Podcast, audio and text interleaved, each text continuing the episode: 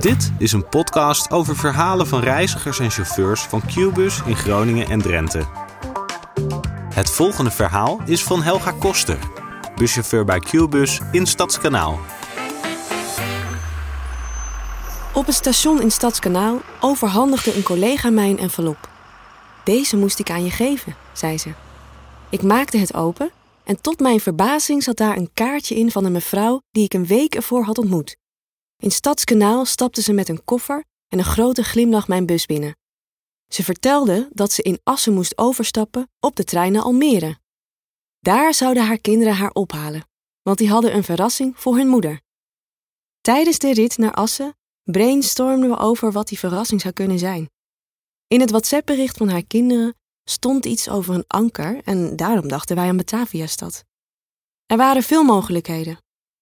Een uur later verliet ze de bus. Ik zei tegen haar: Ik vind het erg jammer dat ik nu niet weet wat u gaat doen. Ze glimlachte en bedankte me voor de gezellige busrit. Tot mijn verbazing kreeg ik een week later op het station in Stadskanaal een kaartje overhandigd. Er stond in: Hoi Helga. Zaterdagmorgen zat ik bij je in de bus en vertelde dat ik een verrassingsweekend in Almere had.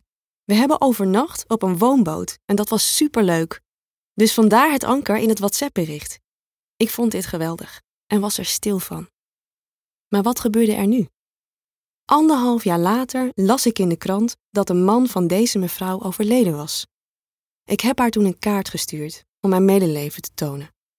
En een week later kreeg ik een kaartje terug. Er stond in: Lieve Helga, de kaartjes stroomden binnen na het overlijden van mijn man. Maar de meest bijzondere kaart kwam van jou. Ik woon vlakbij het station in Stadskanaal. Je bent van harte welkom voor een kopje koffie. Sindsdien kom ik bij Riet. Ze is een lieve oudere dame waar ik graag mijn pauze doorbreng. We kennen elkaar nu een jaar en hebben het gezellig samen. Hoe bijzonder is het dat je door een beetje vriendelijkheid en omzien naar elkaar zo'n mooi contact opbouwt.